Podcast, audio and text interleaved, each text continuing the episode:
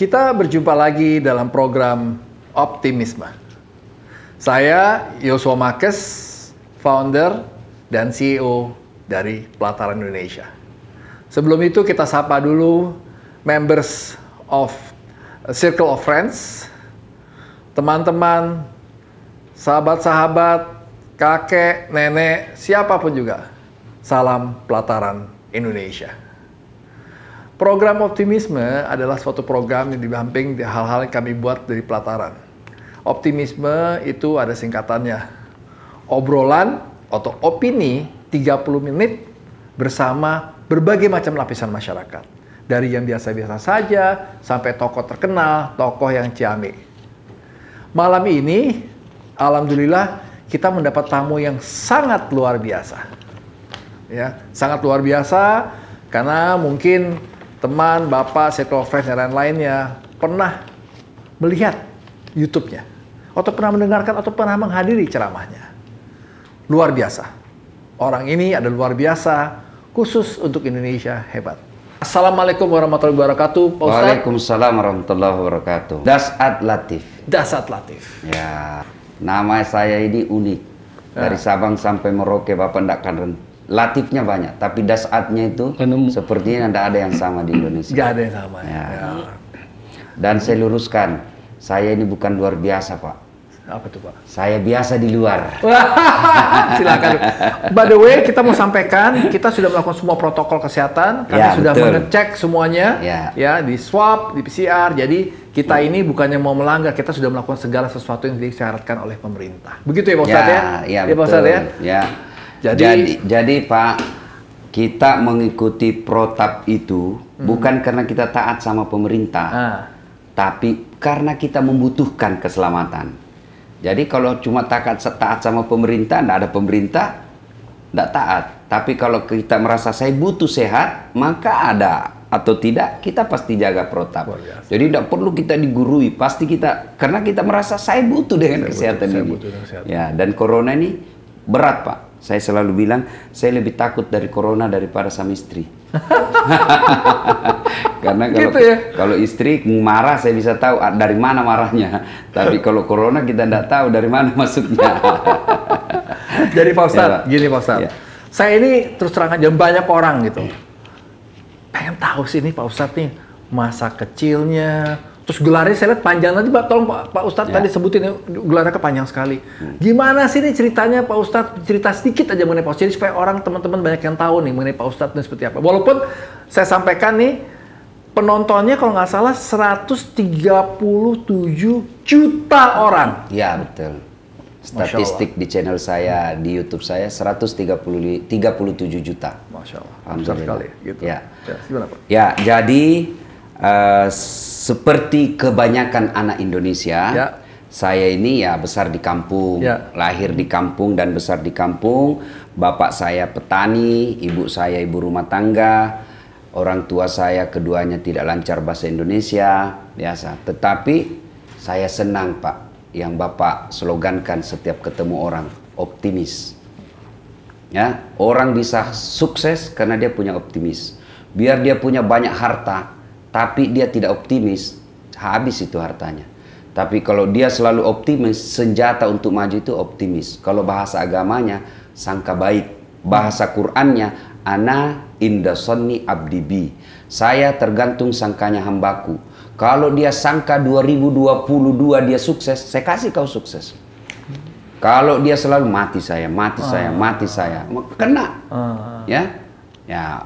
Ah, itulah sebabnya uh, modal saya itu sangka baik. Ketika saya mau merantau Pak, tinggalkan kampung, tamat SMP, mau ke Makassar. Merantau menuntut ilmu SMA. Bapak saya bilang begini, nah kamu tidak punya keluarga pejabat. Tidak punya keluarga orang kaya yang bisa bantu kamu. Saya orang miskin. Kita ini orang miskin, tapi Tuhanmu maha kaya. Satu aja pesan, jangan kerugikan orang. Karena rezekimu itu kau berdoa 24 jam di dalam masjid tidak mungkin jatuh itu duit dari langit-langit. Itu film kartun. Tapi dari mana duit itu? Dari dari Pak Yosua. Dari dari dari teman kita. Ya. Maknanya makin banyak teman, makin banyak yang bawa duit. Nah, maka percaya, optimis, saya optimis datang merantau, tapi tidak cukup hanya optimis. Harus ikhtiar. Beda dengan usaha, Pak. Kalau hmm. usaha itu segala cara, hmm. tapi ikhtiar segala cara, tapi yang diridai Allah. Hmm. Bapak mau kaya, tapi nipu, itu hmm. usaha. Hmm. Bapak mau kaya, tapi judi, itu usaha. Hmm. Tapi tidak diridai Allah. Hmm. Tapi saya selalu yakin, tidak mungkin Allah sengsarakan hidupnya orang yang baik. Hmm. Hmm. perampok aja ditolong. Hmm. Mana nama Tuhan jelek, Pak? Hmm. Mana ada nama-nama Tuhan? Kalau dalam Islam itu disebut Asmaul Husna, hmm. nama-nama hmm. Allah. Semua baik, Pak. Maha pengasih, Maha penyayang, Maha pemberi, Maha kaya, Maha pemaaf. Semua bagus. Tidak ada nama Tuhan, Maha bakar rumah, Maha kasih gempa. Ya kan? Maka kita ambillah itu maha baiknya Allah. Hmm. Dengan selalu berpedoman, jangan menyakiti orang. Hmm. Karena rezeki kita dari orang. Wong kita baik saja sama orang biasa dia jahat sama kita, hmm. apalagi kalau memang sudah itu sudah jahat. Hmm. Hmm. Alhamdulillah. Kemudian masuk kuliah. Saya kuliah S1 ada dua pak. Satu hukum Islam, satu komunikasi. Hmm. Selesai S1 saya ambil S2. Alhamdulillah diangkat jadi dosen. Hmm. Dosen komunikasi saya mengajar sampai sekarang. Hmm. Kemudian ambil S3 juga ambil dua. Hmm. Yaitu Syariah Hukum Islam dan Komunikasi Politik. Hmm. Nah, Alhamdulillah, makanya gelarnya terlalu panjang. Oh, itu buat ya. gelarnya panjang. Ya, tapi itu tidak boleh menjadi alasan untuk takabur dan sombong dan merendahkan orang yang tidak punya sekolah. Karena sebenarnya di sisi Allah, di depan hadapan Tuhan itu, kita itu yang mulia bukan orang kaya, hmm. bukan orang selebriti yang terkenal, bukan. Persepsi kita ini orang mulia kan masih keliru. Hmm. Yang mulia itu yang ada jabatannya. Begitu hilang jabatannya, kok tidak mulia. Hmm. Yang mulia orang kaya, kau bangkrut kau tidak mulia. Hmm. Tapi apa kata Al-Quran? Inna akramakum indallahi atqakum. Hmm. Yang paling mulia di antara kalian orang yang bertakwa. Hmm. Apa itu takwa? Satu, tawadu. Dua, dia bersyukur dengan apa yang dimiliki. Tiga, dia tidak suka memakan barang haram. Yang keempat, dia yakin. Optimis. Ah, saya senang itu Pak. Bapak yang slogankan itu. Optimis. Ya, kalau kita selalu optimis, selalu ada harapan. Tapi kapan Bapak sudah tidak punya harapan dan sangka buruk, ah, sudah tidak bisa hidup kita. Tidak boleh sangka buruk. Nah, ah, itu kalimat tidak boleh dan sangka yang buruk. banyak orang itu kan menderita karena sangka buruk. Sangka investasi, buruk. investasi, cari duit sampai miliaran. Ya. Dia tidak nikmati, keburu iya, mati. Ya, ya, ya. ya belanjakan duitmu, ya. pakai itu pakaian yang kau iya. bisa. Ya. Beli itu berlian kalau ada duitmu. Jangan investasi. Bagaimana tahun depan? Allah Maha Kaya. Allah Maha Kaya, nikmati. Kalau sudah saatnya pakai mobil mewah, pakai Ya memang kita ini dunia, Nikmati. dunia untuk iya, dinikmati. Betul. Yang penting syaratnya jangan takabur. Hmm. Takabur itu apa? Tidak mensyukuri apa prakteknya. Kau menghina orang lain. Bapak punya mercy, pakai pak. Bapak punya berlian paling mahal, pakai. Itu rezeki dari Allah. Yang Allah tidak senang kalau bapak pakai mahal meremehkan orang miskin. Hmm. Pakai, jangan sampai investasi-investasi. Iya kalau kita hidup lima tahun yang akan datang. Ya, jadi optimis saja. Dua tahunnya nikmati deh pakai. Kau pergi berlibur ke Eropa ada duitmu pakai. Dua tahun yang akan datang gimana pak? Allah maha kaya dua tahun yang akan datang lain lagi rezekimu. Gimana anak kita? Anak kita juga punya rezeki. Nah itu optimis. Jadi pak Ustadz ya menarik nih. Optimis jangan buruk sangka.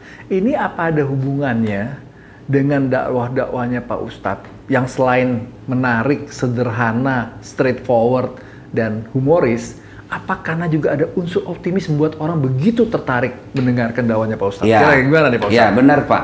Saya selalu mengedepankan dakwah yang konten-konten sangka baik. Nah, ini baru, baru lagi saya sampaikan tadi bahwa saya tanya ibu-ibu mau tidak bahagia? Hmm. Mau. Singkirkan sangka buruk kepada suamimu. Hmm. Berapa banyak istri akhirnya minta cerai karena sangka hmm. buruk. Hmm. Baru pulang suaminya periksa HP itu sudah sangka buruk gitu. Saya bilang sama istri saya, untuk apa kau periksa HP saya? Kalau kau tahu misalnya saya ada WhatsAppan dengan teman saya waktu SMA, eh, sekarang eh. kau sakit hati. Eh, kau minta cerai, kau rugi. Kau minta cerai pagi, sore saya kawin lagi. Lebih baik kau sangka baik saja. Sangka baik. Tidak, baru kita satu jam di luar 30 menit sudah menelpon. Di mana kau? Di mana kau? Di kantor. Bohong kau. Coba video call. Itu sangka buruk. Sangka buruk pak. Kita kalau kita sangka baik. Telepon istri suami tidak dijawab. Oh suamiku lagi meeting. Uh. Telepon lagi tengah hari, ah berarti lagi banyak kerjaan. Uh. Sore telepon lagi, oh berarti mungkin lagi ibadah. Tiba-tiba masuk WhatsApp, wih saya lihat suamimu bonceng cewek, cantik betul. Oh berarti lagi nge-grab. nah, gitu. Eh, semua baik perasaan. Orang kalau selalu sangka baik, sumber kebahagiaan. Maka ketika saya dakwah, Ajak itu sangka baik. Sangka baik, sangka ya? baik optimis sangka ya. Baik. Optimis ya. Uh. ya. Jadi sangka buruk itu ya atau tidak optimis itu kadang-kadang saya melihat kadang-kadang gampang menghakimi atau melabel orang ya. Kadang-kadang ya. oh dia jalan sama ini, wah dia nah, pasti begini. Sangka buruk. Itu sangka, sangka buruk, buruk itu kan? Sangka buruk. Sangka buruk. Betul. Nah, ya, ini dalam, saya dalam, kasih contoh ah. Pak ya namanya sangka buruk. Hmm. Hmm. Diwalap, eh tiba-tiba eh Pak Yosua jadi sukses. Hmm. WhatsApp Hmm. Tidak dijawab. Hmm. WhatsApp tidak dijawab. Sombong Mulai sangka nih. buruk. Ah. Oh, sombong ah. dia. Ternyata sudah ganti nomor telepon. Ah. Bawa bawa sangka buruk. Saya kasih kisah sederhana. Bahayanya sangka buruk. Ah. Tujuh tahun berkeluarga tidak punya anak. Ah. Tiba-tiba di tahun ke-8 dia ke dokter ahli kandungan. Hmm. Oh Alhamdulillah, periksa. Oh ibu sudah terlambat dua bulan. Senanglah dia, ditelepon hmm. suaminya. Hmm. Pak, Alhamdulillah saya sudah terlambat dua bulan. Kata suaminya, Alhamdulillah, tapi jangan kau cerita. Hmm. Nanti tidak jadi malu lagi kita satu kampung. Hmm. Ini rahasia berdua ya. Hmm. Setuju bang, jangan cerita. Hmm. Ah, selang beberapa hari datang petugas PLN. Ketuk pintu. Assalamualaikum. Waalaikumsalam. Hmm. Siapa ya pak? PLN. Hmm. Kenapa Pak? Ibu terlambat dua bulan. Sumpah, kenapa dia bisa tahu nih? Kenapa dia bisa tahu? Wah dia mulai sangka buruk sama suaminya. Hmm. Pasti ini lagi si gendut ini kan suaminya. Gendut. Iya, iya. Pasti si gendut lagi. Coba langsung gelari negatif sama suaminya. Karena sangka buruknya. Datang suaminya capek cari duit baru keluar. Memang kamu gendut pembohong. Apalagi sayang. Capek kita ini. Apa sayang sayang sayang kamu pembohong. Apa lagi bohong? Kenapa itu PLN? Pasti kau yang tak cerita. Kenapa PLN tahu? Bukan saya demi Tuhan. Ah bohong. Dituduh suaminya. Marah pula suaminya. Dia pergi ke PLN. Ada apa kau tahu-tahu? Istriku terlambat dua bulan. Dia bilang, ini ada catatannya pak. Dia bilang, hapus itu. Boleh dihapus pak, tapi bapak bayar dulu. Kalau saya tidak mau bayar, ya terpaksa punyanya bapak diputus. Kalau punya aku diputus, apa dia pakai istri saya di rumah? Terpaksa pakai lilin. Inilah bahayanya sangka buruk pak. Sangka buruk. Nah ini pak ya, sangka buruk ini saya lihat juga sangat berbahaya buat masyarakat yang beragam karena masyarakat beragam kan berarti kita bicara adanya perbedaan, hmm. tidak adanya persamaan. Dan keragaman itu merupakan kekayaan karunia Indonesia. Ilahi. Karunia, karunia ilahi, kekayaan Indonesia. Ilahi. Karunia nah, ilahi. Padahal kan Islam itu sangat menghargai keragaman. Perbedaan. Uh, perbedaan, ya. Ah, gimana nih? Dalam Al-Quran bahkan uh. dikatakan perbedaan adalah rahmah. Uh. Perbedaan uh. rahmah itu kasih sayang. Uh. Coba saya ilustrasikan. Uh. Pak. Bapak punya gigi uh. ada tiga tipe. Uh. Dia beragam pak. Uh. Di depan gigi seri. Uh. Tujuannya apa? Memotong. Uh. Masuk ke dalam namanya gigi taring. Uh. Tujuannya apa? Merobek. Uh. Masuk lagi ke dalam namanya gigi geraham. Uh. Tujuannya apa? Menghancurkan yang keras. Uh. Coba bayangkan kalau Pak Yosua gigi geraham semua giginya. Gimana Bapak memotong kacang kedelai? Iya kan Pak? Jadi orang beragam itu itu karunia Allah. Hmm. Saya hmm. ini mencintai Indonesia, Pak, bukan karena saya pernah kursus apa itu eh, ketahanan negara, tidak. Saya cinta kepada Republik Indonesia ini karena saya melihat dari Sabang sampai Merauke. Hmm. Profesi yang saya dalami, Pak, dihitung jari yang ada di Indonesia. Banyak pejabat yang ke sana kemari, Pak, saya akui banyak, hmm. tapi belum tentu dia dapat informasi yang akurat. Hmm. Karena pejabat kalau datang kan ABS, hmm. asal bapak senang. Hmm. Tapi kalau saya dakwah dari lorong ke lorong, dari pelosok ke pelosok, masuk ke hutan, keluar lagi hutan, masuk hmm. sungai, hmm. masuk sungai, jalan lagi yang jalan setapak. Hmm. Semua itu dari situ saya berkata, Subhanallah. Pantas ketika leluhur kita mengatakan Indonesia adalah jamrut katulistiwa yang orang ulama-ulama dulu mengatakan Indonesia adalah baldatun tayyibatun warabbul gepur orang-orang Arab mengatakan Indonesia adalah serpihan sorga yang ada di dunia. Hmm. Bapak ke Arab, hmm. Hmm, ke Arab yang hmm. orang katakan sumbernya Islam dari situ. Hmm. Itu bapak lihat gunung pak, tidak pernah hijau, hmm. coklat, batu pak, hmm. gunungnya batu. Hmm. Hmm. Bapak naik bus dari Madinah ke Mekah, tempat dua kota kecintaan Rasulullah, jaraknya 500 km. Bapak jalan aja terus nengok kanan padang pasir, nengok kiri padang pasir, di depan Fata Morgana.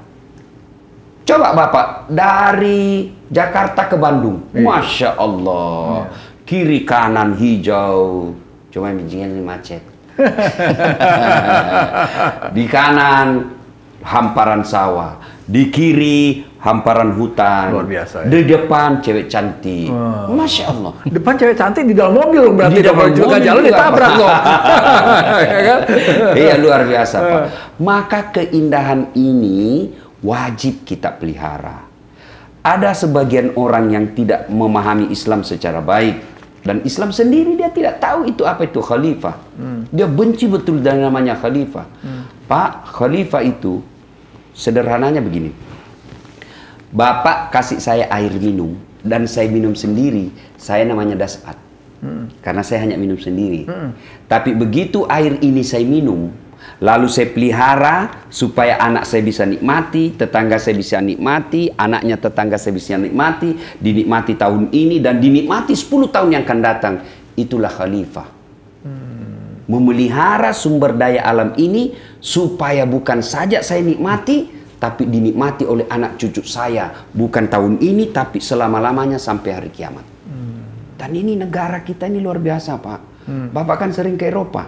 Hmm Coba angkat ini negeri Indonesia hmm. dari Sabang sampai Merauke, letakkan ke Eropa, benua Eropa, tertutup semua negara yang ada di Eropa itu pun masih ada sisanya. Mau bicara apa di Indonesia, Pak? Hmm, luar luar biasa. Nah, ini yang harus kita syukuri. Hmm, hmm. Syukurinya itu bukan cuma kita berkata syukur alhamdulillah. Hmm. Tidak cukup hanya itu. Hmm. Gimana praktik syukurnya? Ayo rawat keberagaman Jangan timbulkan rasisme. Jangan lempar isu-isu uh, agama, perbedaan agama yang bisa-bisa rusuh. Tapi memang di Indonesia ada juga orang cari nafkahnya, Pak, merawat kebencian. Memang ada, Pak. Karena kalau dia tidak ada isu-isu seperti itu, dia tidak ngepul dapurnya. Ya, beleng-beleng. Bisa. Ini saya lihat tadi ada permana tuh ada di dalam. Uh, permana mana tadi permana tuh? Uh, eh permana, eh sini Siap. permana. Ah, ini ya. Pak Ustadz, ini permana nih. Ini orang Cirebon nih. Siapa Cirebon nih? Cirebon Pak. Cirebon. Ya. Silakan silakan permana. Apa kabar ya, Pak Ustadz? Pak Permana. Permana ya. Uh, ya. Ini permana ini VP kita nih Pak. Ya, karena ya. beliau dari Cirebon jadinya namanya Permana. Kalau dia dari Jawa Timur namanya Permano. Sehat Pak Ustadz? Ya Alhamdulillah. Alhamdulillah. Coba lihat Indonesia Pak. Uh. Dari Sabang sampai Merauke. Bapak ke Eropa bahasanya cuma satu. Uh. Inggris. Inggris. Di Inggris, Inggris Raya itu satu aja bahasanya. Bapak ke Jawa Timur, berapa banyak? Iya, Pergi ke Aceh, banyak iya. lagi. Pergi ke Sulawesi, iya. banyak lagi. Luar biasa. Inilah yang didasar, disadari oleh orang-orang yang ingin mencuri sumber daya alam kita. Hmm mengambil sumber daya alam kita bahwa salah satu cara membuat Indonesia gampang dikuasai lemparkan isu hmm. permusuhan. Hmm. Karena kalau kita bermusuh, ini suku ini benci sama ini, agama ini benci sama ini, etnis ini benci sama ini, sibuk kita dengan merawat kebermusuhan itu, maka lupa mengurus sumber daya alam kita, orang dari luar yang ngurus. Iya, betul. Maka kita ini harus, maka saya senang Pak, begitu Bapak ngajak saya untuk ceramah ini dan Bapak berikan saya kisi-kisinya, uh. saya langsung responsif. Oh, luar biasa ini, isu luar biasa. Ini yang harus kita rawat, Pak Mungkin ini Permana bisa cerita Siapa? Permana di dalam plat sama Pak Ustadz nih ya. Dalam pelataran ini kan sebenarnya Indonesia kecilnya. Betul Pak. Karena di sini kan kita sangat beragam. Mungkin Permana bisa share e, mengenai keberagaman yang ada di pelataran ya. E, kita bisa lihat bahwa e, kebetulan e, CEO dan founder dari pelataran sendiri beragama Nasrani. Sementara saya sendiri sebagai entrepreneur staff Eh, beragama Muslim, ya. Meskipun dengan demikian, beliau selalu mengajarkan kepada kami semua untuk untuk bisa dapat saling menghargai dan belajar satu sama lain, ya. Tercermin pula di setiap uh, properti pelataran dibangunkan musola-musola dengan baik, uh, diperuntukkan untuk uh, keperluan baik tamu maupun staf kami sendiri. Sementara kalau kita lihat dari uh, spot pelataran yang dimiliki spot uh, uh, spot yang dimiliki oleh pelataran itu baik dari barat dari Jakarta, Puncak sampai ke timur itu beragam sekali. Seperti contohnya di pegunungan di wilayah Tengger, di mana di situ banyak umat uh, uh, umat uh, berkepercayaan dengan Hindu. Di situ pun kita bangunkan pura buat masyarakat untuk dapat bisa beribadah di sana. Merawat keberagaman itu, Pak. Ya. Kata kuncinya benar yang Bapak lakukan. Saling menghargai. Kapan kita tidak saling menghargai, usaha kita pasti tidak akan lama. Kan saling menghargai itu Pak Yosua sebagai owner menghargai anak buahnya. Kenapa saya hargai Ustadz? Karena Bapak cari nafkahnya dari mereka. Kalau mereka tidak kerja, susah Bapak. Biar punya modal kalau tidak ada yang kerja. Nah, kalian juga anak buah, hargai Pak Permana, hargai Betul. Pak Yosua. Dengan cara apa? Yuk kerja deh dengan baik. Berapa banyak orang mau kerja? Kalian yang dipilih untuk bekerja. Ini namanya saling menghargai. Gini loh Ustaz, ini ya. ada beberapa hal yang, ya. yang, yang penting nih. Jadi, kayak Permana dan teman-temannya, kita nggak pernah menganggap dia sebagai karyawan. Kita tidak panggil dia sebagai karyawan sebenarnya ya. oh. ya. Kita panggil dia sebagai apa? Sebagai uh, entrepreneur. entrepreneur staff. Jadi Pak, saya menganggap semua orang yang bekerja gini Pak, konsep besarnya Pak ya. Pelataran ini punya Tuhan. Ini serius nih Pak. Partner saya ini Islamnya sangat kuat Pak. Partner saya ini Pak, saya berdua partner saya kuat. Ini ini punya Tuhan. Punya Tuhan artinya apa? Titipan. Titipan artinya apa? Amanah. Jadi ini kita semua menganggap mereka saya selalu bilang, bos lu siapa? Bos lu nomor satu siapa? Tuhan. Tuhan Pak, bukan saya Pak. Saya ini cuma dititipin Pak. Saya ini juga kerja juga Pak, sebenarnya di atas. Ini konsep utamanya ya kan? Ya. Nah, dengan konsep utama itu, pelataran itu memiliki dua kaki, Pak. Simple, hmm. kakinya cuma dua, Pak. Satu, cinta Tuhan. Dua, cinta keluarga. Kalau sudah cinta Tuhan, cinta keluarga, hidup kita biasanya beres, Pak. Biasanya beres, Pak. Udah ya, cinta ya, Tuhan, cinta keluarga, hidupnya kita beres. Nah, inilah yang mendasari mereka, dan mereka kalau ditanya, keluarga negaranya apa? Ada dua, Pak. Keluarga negaranya dua, Pak. Apa tuh? Warga negara Indonesia dan warga negara pelataran. Pelataran Indonesia. Jadi dia mengatakan bahwa saya ini orang Indonesia hebat karena tugas saya di sini adalah untuk membangun bangsa Indonesia, Pak. Ya. Nah, bagaimana kita bisa membangun kalau misalkan di antara kita cari perbedaannya terus, ya, ya nggak ya. selesai-selesai, Pak. Betul. Beda terus cari, Pak. Nggak selesai. Itulah kita, Pak. Uh, perbedaan itu mutlak. Tidak mungkin kita lawan, Pak. Betul. Pasti ada. Betul. Pasti ya. Betul. Nah, bagaimana menyikapinya adalah perbedaan itu kita harus saling menghargai. Ya. Ya, karena tidak bisa juga kita satukan, Pak. Betul. Justru hidup ini enak karena beragam. Betul. Coba bayangkan kalau Bapak tidak beragam. Betul. Nggak, ma mana mana enak? Laki semua ya. Eh, Pelangi enak dilihat karena beragam, ya. Nah, keberagaman ini yang kita rawat. Cara merawatnya itu adalah saling menghargai. Saling menghargai ini muncul kalau tidak ada kesombongan di antara kita. Kata Nabi begini Pak, yang memutus persaudaraan itu yang paling potensial adalah sombong. Hmm. Sombong. Hmm. Dan kata Nabi lagi, penyebab pencetus sombong itu ada empat. Satu, bertambahnya ilmu. Hmm. Ya, nah, ini biasa sombong karena banyaknya gelarnya. Apa yang kita mau sombongkan dengan ilmu? Kalau Allah marah dikasih pikun, Pak. Mana ada obatnya pikun sekarang, Pak? Ya. Yang kedua, ya. penyebab sombong. Bertambahnya harta. Hmm. Seperti yang Bapak yakini tadi, harga yang titipan. Hmm. Titipan. Hmm. Nah, untuk supaya tidak sombong dengan harta, filosofinya pakai filosofi tukang parkir. Hmm. Coba lihat tukang parkir di luar, hmm. Pak. Banyak betul mobilnya. Hmm. Oh. Segala macam merek. Tapi begitu datang orang, tidak pernah marah diambil semua mobilnya, Pak. Hmm. Ambil aja, enggak pernah eh mobil saya enggak. Kenapa dia enggak marah? Karena dia tahu ini titipan. Nah. Ya, Apa yang ya. kita mau sombongkan dengan harta? Ya, ya, ya. Allah marah, Pak. Oke, mobil kita bagus, rumah kita mewah, duit kita puluhan miliar, tapi Allah marah, dititip satu penyakit dalam diri kita. Hmm. Akhirnya apa? Dilarang makan nasi. Hmm. Apa enaknya kalau sudah dilarang makan nasi, Pak? Hmm. Saya diundang pergi ceramah di rumah. Hmm. Waduh, saya dikasih roti lah apa saya bilang wah ini saya perut bugis bos tidak cocok saya carikan saya nasi. apa yang kita mau sombongkan dengan ya, harta? Ya, ya. Yang ketiga kata Nabi penyebab datangnya kesombongan yaitu bertambahnya pangkat. Hmm. Yang tadinya biasa-biasa Pak Yosua hanya ya bisnis pelataran seperti ini karena banyak duit akhirnya masuk caleg. Presiden paling tinggi di Indonesia. Hmm. Sudah berapa orang di istana? Bahkan sudah ada yang sudah masuk kubur. Hmm Apa yang kita mau sombongkan? Hmm. Kemudian yang keempat, bertambahnya ibadah. Hmm. Yang tadinya tidak pernah sholat, tiba-tiba hitam jidatnya. Semua orang dia kafirkan, semua orang dia salahkan. Padahal dia yang tidak baca kitabnya. Hmm. Kan aneh begitu.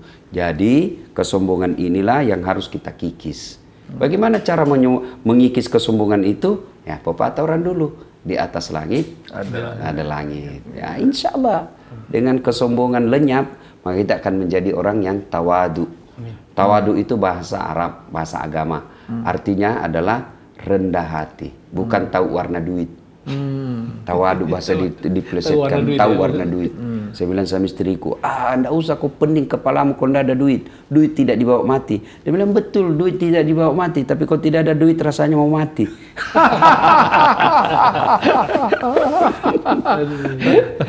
Jadi Pak Ustadz, ya, ini menarik juga nih. Hmm. Jadi antara nasionalisme sama religiusme itu sebenarnya kan bisa berjalan beriringan. Oh, kan, bukan lagi beriringan. Bukan dipertentangkan kan, Bukan lagi beriringan. Perintah agama ah. mencintai negara adalah bagian dari iman. Ah. Itu perintah agama. Ah. Perintah agama. Ya, Mana kan? buktinya, Ustaz? Hmm. Mohon maaf saya harus sampaikan.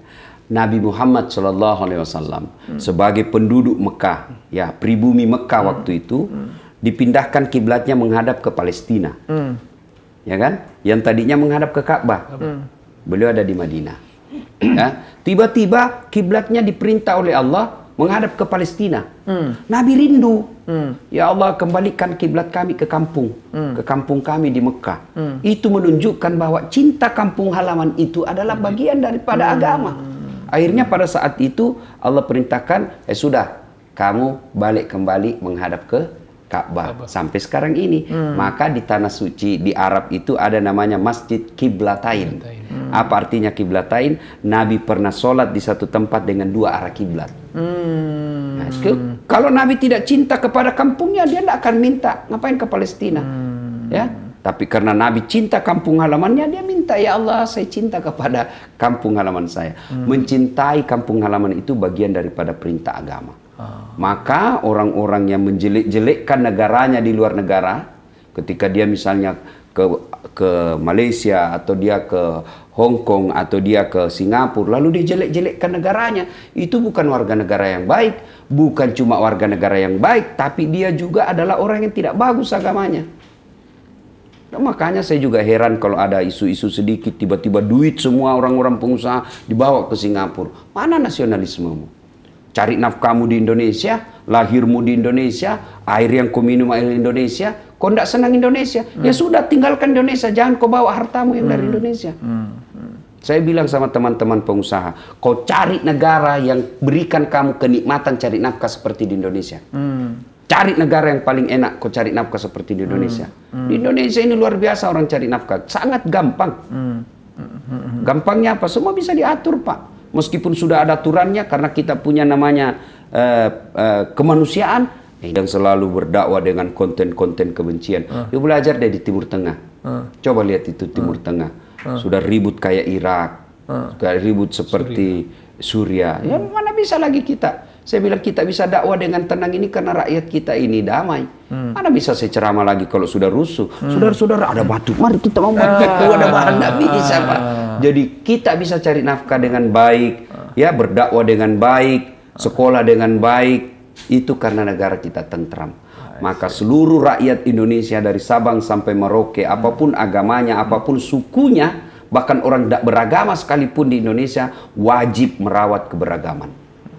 Itu harapan saya. Kita harus, maka pemerintah harus membuat dan uh, uh, apa pandai membuat aturan-aturan yang betul-betul bisa mengarahkan kita untuk merawat keberagaman, keberagaman. dan menindak tegas oknum-oknum yang secara terbuka apalagi melalui medsos yang membuat berita-berita kebencian dan potensial untuk memecah belah bangsa. Kita sudah terlanjur diikat oleh tiga asas negara kita, sila negara kita, lima sila, satu di antaranya persatuan Indonesia, yang orang bule mengatakan integrity is very important thing in development process. Persatuan dan kesatuan bangsa adalah modal yang sangat berharga dalam proses sebuah perbangunan. Maka pada zaman Pak Harto ada tiga asas pembangunan Indonesia, satu di antaranya adalah ketentraman. Tidak hmm. bisa kita membangun kalau rusuh. Hmm. Nah ini maka kita semua punya kepentingan untuk merawat keberagaman. Maka saya sangat respect kepada acara ini Pak Yosua yang mengundang saya untuk kampanye dan sosialisasi optimis merawat keberagaman kita. Ya. So, Pak Ustadz, ya. kita ini sebentar lagi mau ulang tahun nih Pak Ustadz. Ah, okay. Tapi kita sebenarnya nggak mau rayain ulang tahun dia Pak Ustadz. Ya. Ulang tahun si COVID. Nah, tanggal 15 Maret Pak Ustadz itu adalah tanggal di mana kita sudah mulai melakukan namanya hmm. lockdown, lockdown. secara itu. Ya. Nah, Pak Ustadz, ya. kita sebagai orang beragama nih Pak Ustadz, ngelihat si yang namanya si COVID ini sebagai apa sih Pak Ustadz? Nah, ah, gimana nih Pak Ustadz nih? COVID bagi saya dan begitu yang diajarkan agama tidak ada satupun kejadian yang sia-sia. Ya semua pasti ada sisi yeah. positifnya. Yeah. Cuma kita yang tidak bisa mengambil posisi yang baik. Yeah. Covid atau wabah ini, kata Nabi, semua perkara umatku ini baik. Semuanya. Dia sakit, lalu dia bersabar dengan sakitnya, maka sabarnya itu, sakitnya itu menggugurkan dosa-dosanya. Coba. Kalau dia wafat karena penyakitnya itu, maka wafatnya sama nilainya saya ulang, sama nilainya mati sahid. Hmm. Sama nilainya. Hmm. Jadi apa yang kita mau cemaskan? Hmm. Nah, kemudian dia sehat, terhindar dari wabah. Alhamdulillah, saya terhindar dari wabah. Maka syukurnya maka akan menjadi pahala buat dia.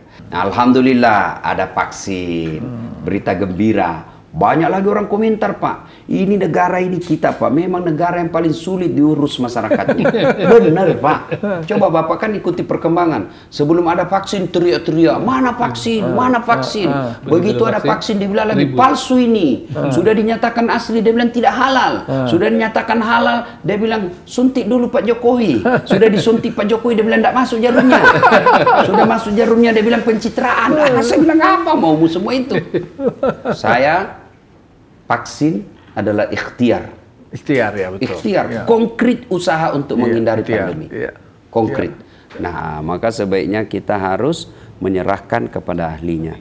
Itulah sebabnya Nabi Muhammad SAW menjelaskan barang siapa manusia diserahkan, siap pekerjaan diserahkan yang bukan ahlinya, maka siap-siaplah akan Hancur. kehancuran. Nah, Pak Yosua sebagai pengusaha ya di sini ngurus usaha Nah, Alhamdulillah saya tadi lewat Pak ya. dalam hati saya wah ini Pak Yosua ini sudah mengamalkan hadis Nabi. Hairun nas anfa'hum linnas. Sebaik-baik manusia di antara kalian yang paling banyak manfaatnya buat orang lain. Bapak punya tempat-tempat usaha ini pelataran Indonesia Pak. Ribuan pegawainya Pak. Hmm. Saya hitam jidat gara-gara sholat. Hmm. Tapi hanya itu yang saya lakukan. Tetangga saya miskin, tetangga saya tidak bantu. Sholat baik, tapi ketika saya tidak bisa membantu orang lain, lalu ada orang lain yang biasa-biasa saja ibadahnya, tapi dia bisa menghidupi orang lain, ay, yang biasa-biasa ibadahnya yang mulia di sisi Tuhan. Yang paling banyak manfaatnya orang. Dan itu Bapak lakukan. Amin. Alhamdulillah. Ya. ya. Pak Ustadz, pertanyaan terakhir, dan ini nyambung dengan statement Pak Ustadz terakhir. Pak Ustadz, Pak Ustadz lihat pelataran gimana sih? Pak Ustadz kan tadi bilang harapan Pak Ustadz nih pelataran ini sebagai aset bangsa, amanah dari Allah. Ya. Ini apa sih Pak Ustadz lihatnya? Pelataran ya, ini? Alhamdulillah uh, saya berharap terus dipelihara Pak. Terutama mengkampanyekan hasanah Indonesia. Hmm. Karena saya dengar Bapak juga ada sudah ada di luar negeri. Betul. Nah, itu bagian daripada wujud kecintaan kepada NKRI Hmm. Jadi kalau ada di luar negeri, nggak usah kita jual spaghetti. Hmm. Lebih kita jual pisang goreng. Yeah. Biar dia bingung apa ini pisang goreng dengan segala jenis macamnya kan. Yeah, yeah, kita yeah. jual tahu di situ, dia yeah, bingung yeah, ya, yeah, yeah, yeah, memperkenalkan. Jadi inilah, jadi itu harapan saya pertama, tetap memproduksi atau memperkenalkan uh, jajanan ataupun masakan-masakan khas Indonesia. Hmm. Kemudian yang kedua, selalu memprioritaskan pekerja-pekerja dalam negeri, pekerja-pekerja anak-anak bangsa kita ya. Kalau ini Bapak lakukan, insya Allah umur panjang, murah rezeki. Amin. Karena Amin. orang yang banyak manfaatnya buat orang lain, umurnya panjang Pak. Hmm. Umur panjang 150 tahun. Tidak ada orang 150 tahun sekarang. Hmm. Lalu apa yang dimaksud umur yang panjang? Meskipun dia sudah di alam kubur, tapi orang masih mendoakan dan orang masih menyebutnya eh lewat eh kita doakan dulu bapak ini baik hmm. dulu waktu hidup ini hmm. itulah umur yang panjang hmm. tapi kalau bapak pelit hmm. jangankan dikubur masih hidup orang doakan kita sial pak lewat mobilnya mudah-mudahan tabrakan pelit betul terima kasih sekali Pak Ustadz. Saya terima, terima kasih. Saya terima kasih sekali Pak Ustadz. Terima kasih, sekali. Ya. Jadi eh, saya hari ini kita sangat bermanfaat sekali eh, menerima eh, apa yang disampaikan oleh Pak Ustadz. Eh, ini adalah yang luar biasa, terutama mengenai optimisme Indonesia. Kita terus mencintai Indonesia, Indonesia kita, karena kita harus mewariskan yang terbaik kepada anak cucu kita sebagai bagian dari tanggung jawab kita kepada Tuhan Yang Maha Kuasa dan kepada bangsa dan negara Indonesia. Terima kasih, sampai ketemu lagi di dalam acara yang berikutnya. Silakan terima kasih Pak Terima kasih. Pak. Terima kasih, Pak. Terima kasih. Terima ya. kasih.